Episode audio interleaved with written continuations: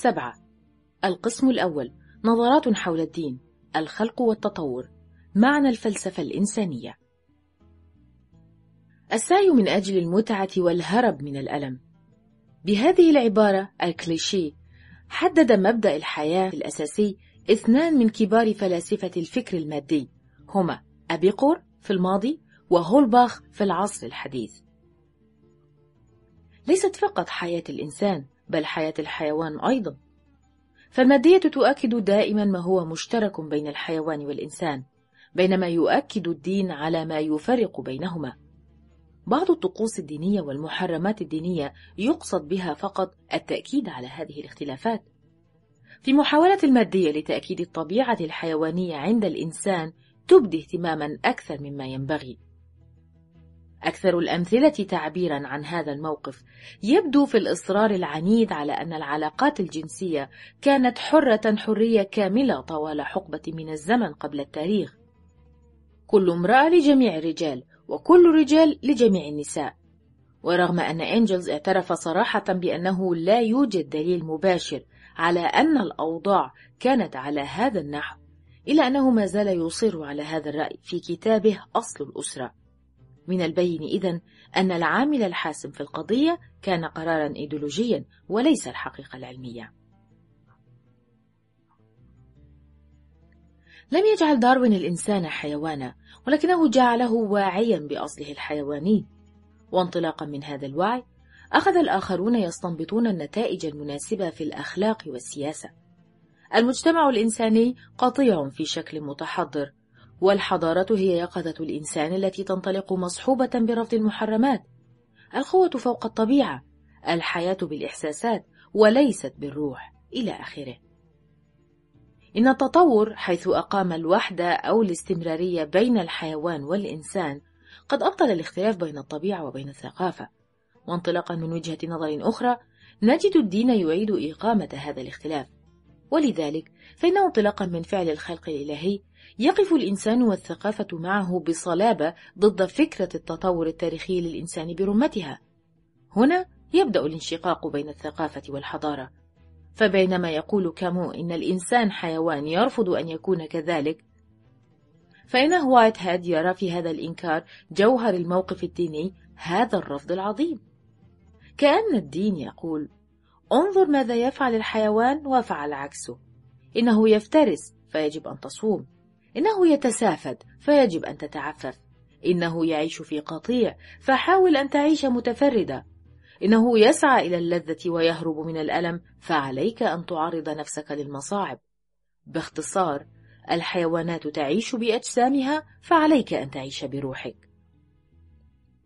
إن رفض هذا الموقف الحيواني. هذه الرغبة السلبية التي لا يمكن تفسيرها بنظرية داروين أو النظريات العقلانية. هي الحقيقة القاطعة للحياة الإنسانية على هذا الكوكب. قد تكون نقمة للإنسان أو نعمة ولكنها تبقى الخاصية الوحيدة التي تميز الإنسان.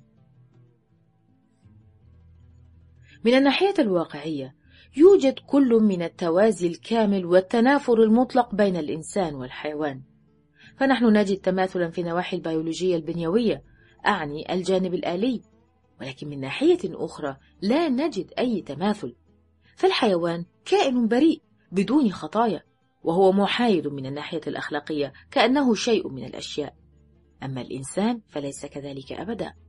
فمنذ اللحظة التي تأنس فيها الحيوان في المقدمة السماوية الدرامية أو من اللحظة المشهودة المعروفة بالهبوط إلى الأرض لا يستطيع الإنسان أن يختار أن يكون حيوانا بريئا. لقد أطلق سراحه دون اختيار له في العودة. ولذلك فإن كل حل فرويدي مستبعد. فمنذ تلك اللحظة المشهودة لم يعد ممكنا للإنسان أن يختار بين أن يكون حيوانا أو إنسانا. إنما اختياره الوحيد أن يكون إنسانا أو لا إنسان. لو كان الإنسان ببساطة أكثر الحيوانات كمالا لكانت حياته بسيطة خالية من الأسرار ولكنه ليس كذلك إنه دودة الأرض وابن السماء. ولكونه مخلوقا فهو كائن مشوش ولذلك فإن التناغم الذي ذهب إليه الفيلسوف اليوناني إقليدس غير ممكن. وليست حقيقتنا الأصلية وحدها قائمة على فكرة الخلق ولكن أيضا خطايانا وأثامنا. في إطار فكرة الخلق يجد الإنسان نبل محتده ويخوض غمار المجاهدة الأخلاقية وما في الحياة من مآس ومعضلات وإحباطات ويصادف النقمة والقسوة وخبث الطوية. ولا يعرف الحيوان شيئا من هذا كله ومن هنا يكمن معنى تلك اللحظة التي صنعت عصرا جديدا. إن قضية الخلق هي في الحقيقة قضية الحرية الإنسانية. فإذا قبلنا فكرة أن الإنسان لا حرية له وأن جميع أفعاله محددة سابقا إما بقوة جوانية أو برانية ففي هذه الحالة لا تكون الألوهية ضرورية لتفسير الكون وفهمه. ولكن إذا سلمنا بحرية الإنسان ومسؤوليته عن أفعاله فإننا بذلك نعترف بوجود الله إما ضمنا وإما صراحة. فالله وحده هو القادر على أن يخلق مخلوقا حرا. فالحرية لا يمكن أن توجد إلا بفعل الخلق. الحرية ليست نتيجة ولا إنتاجا للتطور فالحرية والإنتاج فكرتان متعارضتان. إن الله لا ينتج ولا يشيد إن الله يخلق. وقد اعتاد الناس أن ينسبوا إلى رجال الفن فكرة الخلق ولكن الفنان الذي يشيد لا يقوم بخلق شخصية وإنما صورة لإنسان. فالشخصية لا يمكن تشييدها وأنا لا أعرف ماذا يمكن أن تعني الصورة بدون الله. قد يتمكن الإنسان آجلا أو عاجلا خلال هذا القرن أو بعد مليون سنة من الحضارة المتصلة. قد ينجح الإنسان في تشييد صورة مقلدة من نفسه. نوع من الإنسان الآلي أو مسخ. شيء قريب الشبه بصانعه. هذا المسخ الشبيه بالإنسان لن تكون له حرية. إنه سيكون قادرا على أن يعمل فقط ما تمت برمجته عليه. وهنا تتجلى عظمة الخلق الإلهي الذي لا يمكن تكراره أو مقارنته بأي شيء حدث من قبل أو سيحدث من بعد في هذا الكون. في لحظة زمنية من الأبدية بدأ مخلوق حر في الوجود فبدون اللمسة الإلهية لما تحولت نتيجة التطور إلى إنسان. كانت نتيجة التطور على الأرجح حيوانا أكثر تطورا. حيوانا مثاليا أو كائنا بجسم إنسان وذكائه ولكن بدون قلب ولا حياة جوانية. ذكاء متحرر من واخز الضمير الأخلاقي. ربما كان أكثر كفاءة ولكنه في الوقت نفسه أشد قسوة. يتخيل بعض الناس مخلوقا كهذا النوع قادما من أحد الكواكب البعيدة في الكون وآخرون يرونه نتاجا لحضارتنا في مرحلة من المراحل العليا لنموها. مثل هذا المخلوق يوجد في رواية جوته المشهورة فاوست. ولكن فاوست نصف إنسان مسخ. ويجب أن نلاحظ أنه لا يمكن مقارنة القسوة اللامبالية لهذا المسخ وبين أسوأ المجرمين. ملحوظة. قارن كارل جاسبرز وقال عندما يكون الإنسان واعيا بحريته وعيا حقيقيا فإنه في الوقت نفسه يصبح مقتنعا بوجود الله فالله والحرية لا ينفصلان. ثم يمضي قائلا فإذا كان الوعي بالحرية ينطوي على وعي بالله فيتبع ذلك أنه يوجد علاقة بين إنكار الحرية وإنكار الله. فقد يختار الإنسان أن يسلك سلوكا مضادا للقوانين الأخلاقية ولكنه لا يستطيع كما يفعل المسخ أن يفلت من الإطار الأخلاقي بعيدا عن الخير والشر إنه لا يستطيع أن يغير نفسه. إن الخبرة الأخلاقية العملية ترينا أن ميل الإنسان نحو الإثم والرذيلة أكثر من ميله إلى السعي نحو الخير. قدرته على أن يسقط في هوة الخطيئة تبدو أكبر من قدرته على التسامي في مراقي الفضيلة. الشخصيات السلبية تبدو أكثر حقيقة من الشخصيات الإيجابية. ولذلك نرى الشاعر الذي يصور الشخصيات السلبية يتميز عن الشاعر الذي يصور الأبطال. ملحوظة. من المثير حقا أن تلاحظ ذلك الهجوم العنيف الذي وجه في الصين سنة 1974 إلى رواية صينية تنتمي إلى القرن الخامس عشر عنوانها الحد المائي. معروفة في الغرب في ترجمة بيرل باك بعنوان جميع البشر إخوة All men are brothers. ورواية من أحسن ما كتب في الأدب الصيني الكلاسيكي. تصف ثورة الفلاحين على الإدارة الإمبراطورية خلال القرن الثاني عشر الميلادي. ولكن لأن رسالتها توحي بأن كل الناس إخوة فقد انتقدت الرواية باعتبارها نموذجا سلبيا في التعليم حيث أن مدخلها لا طبقي ولأن الناس ليسوا جميعا إخوة كما قيل خلال هذا الهجوم المذكور. وفي المجر أمرت وزارة التعليم بتصنيف التلاميذ وفقا للطبقة التي ينتمون إليها وذلك في ست فئات حسب حروف الهجاء.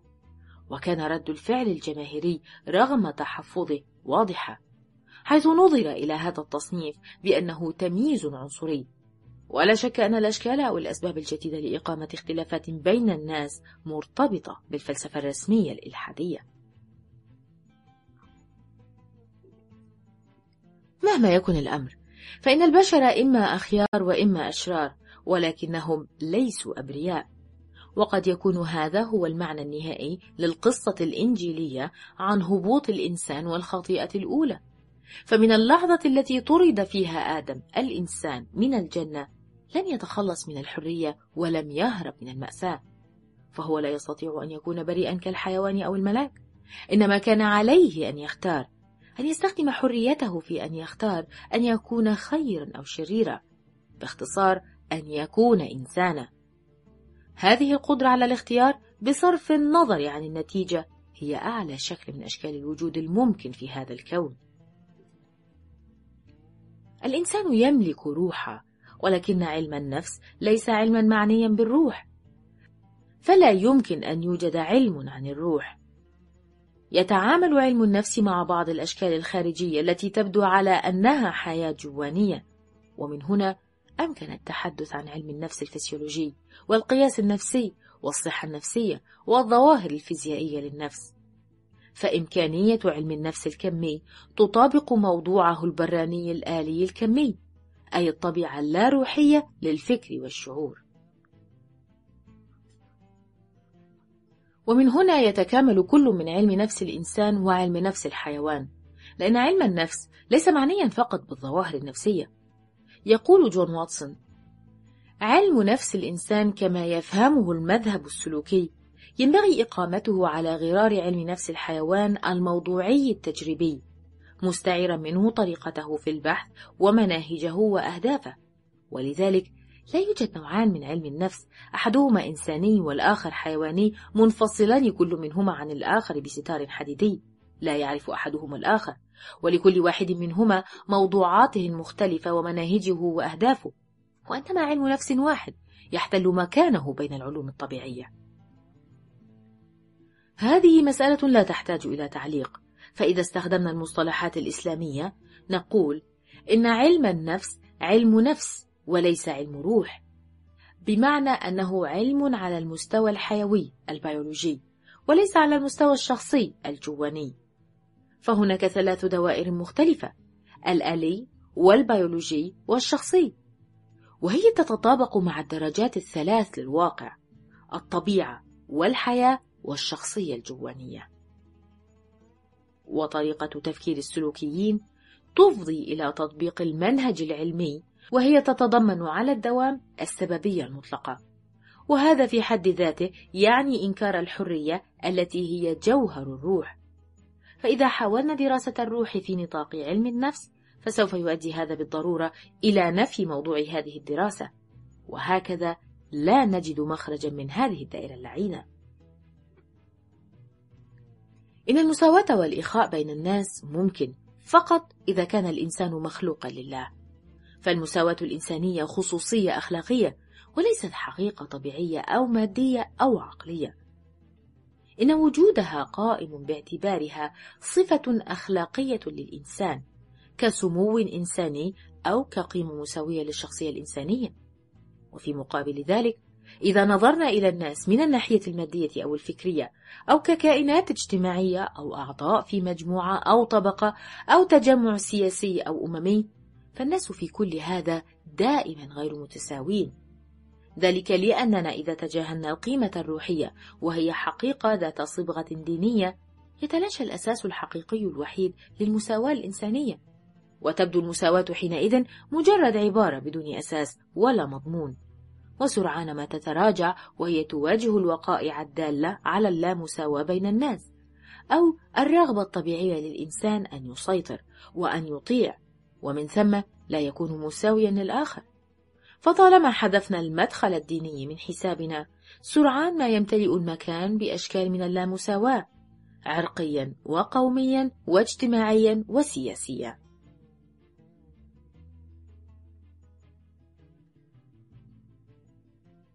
إن السمو الإنساني لم يكن من المستطاع اكتشافه بواسطة علم الأحياء أو علم النفس ولا بأي علم آخر فالسمو الإنساني مسألة روحية. فمن السهل على العلم بعد الملاحظات الموضوعية أن يقرر أن اللامساواة بين الناس ومن ثم العنصرية العلمية ممكنة جدا بل منطقية. ملحوظة. لا تستطيع نظرية التطور التوافق مع فكرة المساواة ولا مع فكرة الحقوق الطبيعية. وكانت المساواة في الثورة الفرنسية معتبرة دينا في أصلها. إن أخلاقيات سقراط وفيثاغورس وسينيكا لا تنكر قيمتها العظيمة ونحن ننظر في أخلاقيات الأديان السماوية الثلاثة اليهودية والمسيحية والإسلام. ولكن يبقى هناك فرق واحد واضح هو أن أخلاقيات الأديان السماوية وحدها تسلم بجلاء لا لبس فيه بمساواة جميع البشر باعتبارهم مخلوقات لله. حتى أفلاطون سلم بعدم المساواة بين الناس كضرورة. وعلى نقيض ذلك نجد أن حجر الزاوية في الأديان المنزلة هو الأصل المشترك لجميع البشر ومن ثم المساواة المطلقة بينهم. وكان لهذه الفكرة تأثيرا جوهريا على جميع التطورات الروحية والأخلاقية والاجتماعية للجنس البشري. وفوق هذا يبدو أن تاريخ علم الأخلاق يكشف عن العلاقة بين فكرة المساواة بين الناس وفكرة الخلود. وهو موضوع يحتاج إلى دراسة أعمق. إن النظم الدينية والأخلاقية التي لا تعترف أو التي لديها فكرة مشوشة عن الخلود لا تعترف بالتالي بهذه المساواة فإذا لم يكن الله موجودا فإن الناس بجلاء وبلا أمل غير متساوين. يزعم نيتشه أن الأديان قد ابتدعها الضعفاء ليخدعوا بها الأقوياء. أما ماركس فيقول بالعكس. فإذا سلمنا بأن الأديان مفتعلة سيبدو تفسير نيتشه أكثر إقناعا لأنه تأسيسا على الدين فقط يستطيع الضعفاء المطالبة بالمساواة أما العلم وكل ما عدا الدين فقد أكد عدم المساواة بين الناس لماذا نصادف كثرة من المعوقين حول المساجد والكنائس والمعابد التي نذهب إليها؟ لأن بيوت الله وحدها تفتح أبوابها لأولئك الذين ليس لديهم ما يعرضونه أو يبرهنون عليه. أولئك الفقراء في المال والصحة. أولئك الذين استبعدوا من موائد الاحتفالات في هذا العالم حيث يدعى الشخص لاسمه أو حسبه ونسبه أو موهبته أو علمه. إن المريض وغير المتعلم يغلق أمامه باب المصنع أيضا بينما يدخل المتعلم صحيح البدن. أما في بيت الله فإن الفقير والأعمى يمكن أن يقفا جنبا إلى جنب مع ملك أو نبيل وقد يكونا عند الله أفضل منهما إن أهم معنى حضاري وإنساني لأماكن العبادة يكمن في هذا البرهان المتكرر للمساواة.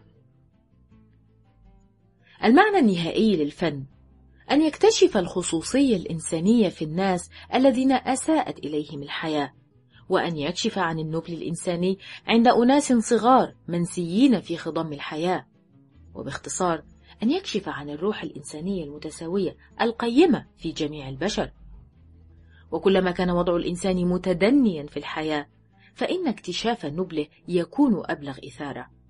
وفي هذا تكمن الحقيقة للأدب الروسي الكلاسيكي.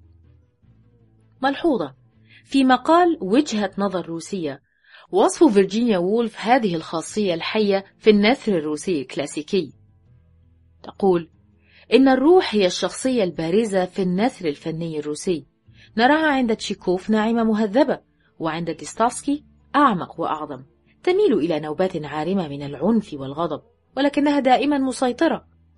تنثر روايات ديستوفسكي الأنواء والزوابع الرملية ودفقات الماء المندفع في فقاعات وقرقرة فتستحوذ علينا. إن قوامها الروح فحسب. كذلك يبرز الأدب الفرنسي بالمثل. هذه الناحية في شخصيات أدبية كشخصيات كوازيمودو وفانتاين وجين فالجين ليست الإنسانية إحسانا وعفوا وتحملا وإن كان هذا كله نتاجا ضروريا لها لكن الإنسانية بالدرجة الأولى توكيد لحرية الإنسان. أي توكيد لقيمته باعتباره إنسانا. وكل شيء يحط بشخصية الإنسان ويحيله إلى شيء هو أمر لا إنساني. فمثلا من الإنسانية أن نقول إن الإنسان مسؤول عن أفعاله وأن نحاسبه عليها. وليس من الإنسانية أن نطلب منه أن يتأسف أو أن يغير رأيه أن يتحسن وأن يصفح عنه. إنها أكثر إنسانية أن يعاقب إنسان بسبب معتقداته من إجباره على التخلي عنها أو التبرؤ منها بإتاحة الفرصة المعروفة باسم الأخذ في الاعتبار بموقفه المخلص. ولذا فهناك عقوبات إنسانية وعفو هو أكثر شيء لا إنساني. كان محققو محاكم التفتيش في الماضي يزعمون أنهم يحرقون الجسد لكي ينقذوا الروح.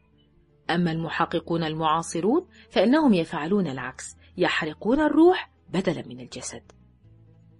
إن تقليص الإنسان إلى مجرد وظيفة إنتاجية استهلاكية حتى ولو كان له مكان في عملية الإنتاج والاستهلاك ليس علامة على الإنسانية وإنما هو سلب لإنسانيته.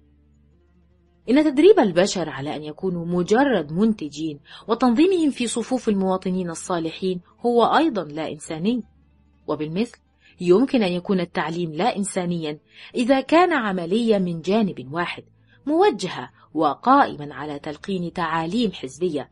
إذا لم يكن يعلم الفرد كيف يفكر بطريقة استقلالية. إذا كان يقدم إجابات جاهزة. إذا كان يعد الناس فقط للوظائف المختلفة بدلا من توسيع أفقهم وبالتالي حريتهم. إن أي تلاعب بالناس حتى ولو كان في مصلحتهم هو أمر لا إنساني. أن تفكر بالنيابة عنهم وأن تحررهم من مسؤولياتهم والتزاماتهم هو أيضا لا إنساني.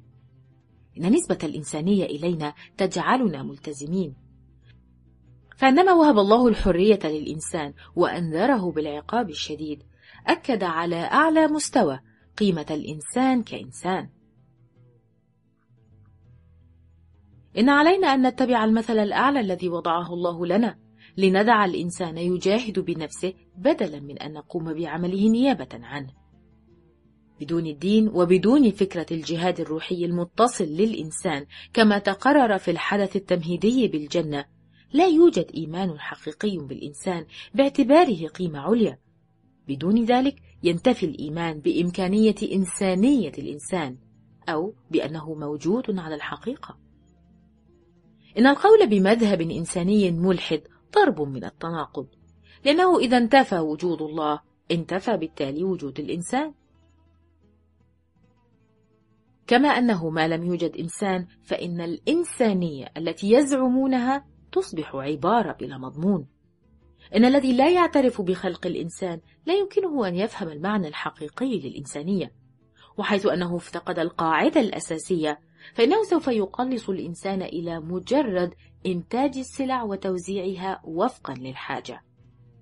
أن نتأكد أن الناس جميعا قد حصلوا على كفايتهم من الطعام هو بطبيعة الحال أمر بالغ الأهمية. ولكن من خلال معرفتنا بمجتمعات الرخاء اليوم لا نستطيع أن نؤكد أنه بهذه الطريقة يمكن الوصول إلى عالم أفضل أو أكثر إنسانية. إننا سنكون حتى أقل إنسانية. إذا وضعت موضع التنفيذ أفكار بعض الإيديولوجيين عن التسوية العامة والتماثل واللا شخصية ففي عالم كهذا الذي وصفه ألدس هيكسلي في كتابه عالم جديد شجاع لن توجد مشاكل اجتماعية. وستعم المساواة والتماثل والاستقرار في كل مكان. ومع ذلك فنحن جميعا سنرفض واعين أو بالغريزة هذه الرؤية كنموذج للمحو التام للإنسانية. الإنسان نتاج بيئته. هذه المسلمة الرئيسية في المذهب المادي تخدم كنقطة انطلاق لجميع النظريات اللا إنسانية التي تتفرع منها. في القانون وفي علم الاجتماع وفي ممارسة التلاعب بالبشر التي بلغت ذروتها في عهد النازية والستالينية وجميع النظريات الأخرى المماثلة في الإغواء والتي تضع أولوية المجتمع فوق الأفراد وتؤكد على التزام الإنسان بخدمة المجتمع إلى آخر هذه النظريات كلها تنتمي إلى هذا المجال. ولا يصح عندنا أن يكون الإنسان خادما لأي إنسان ولا ينبغي أن يتخذ وسيلة بل يجب أن يوضع كل شيء في خدمة الإنسان.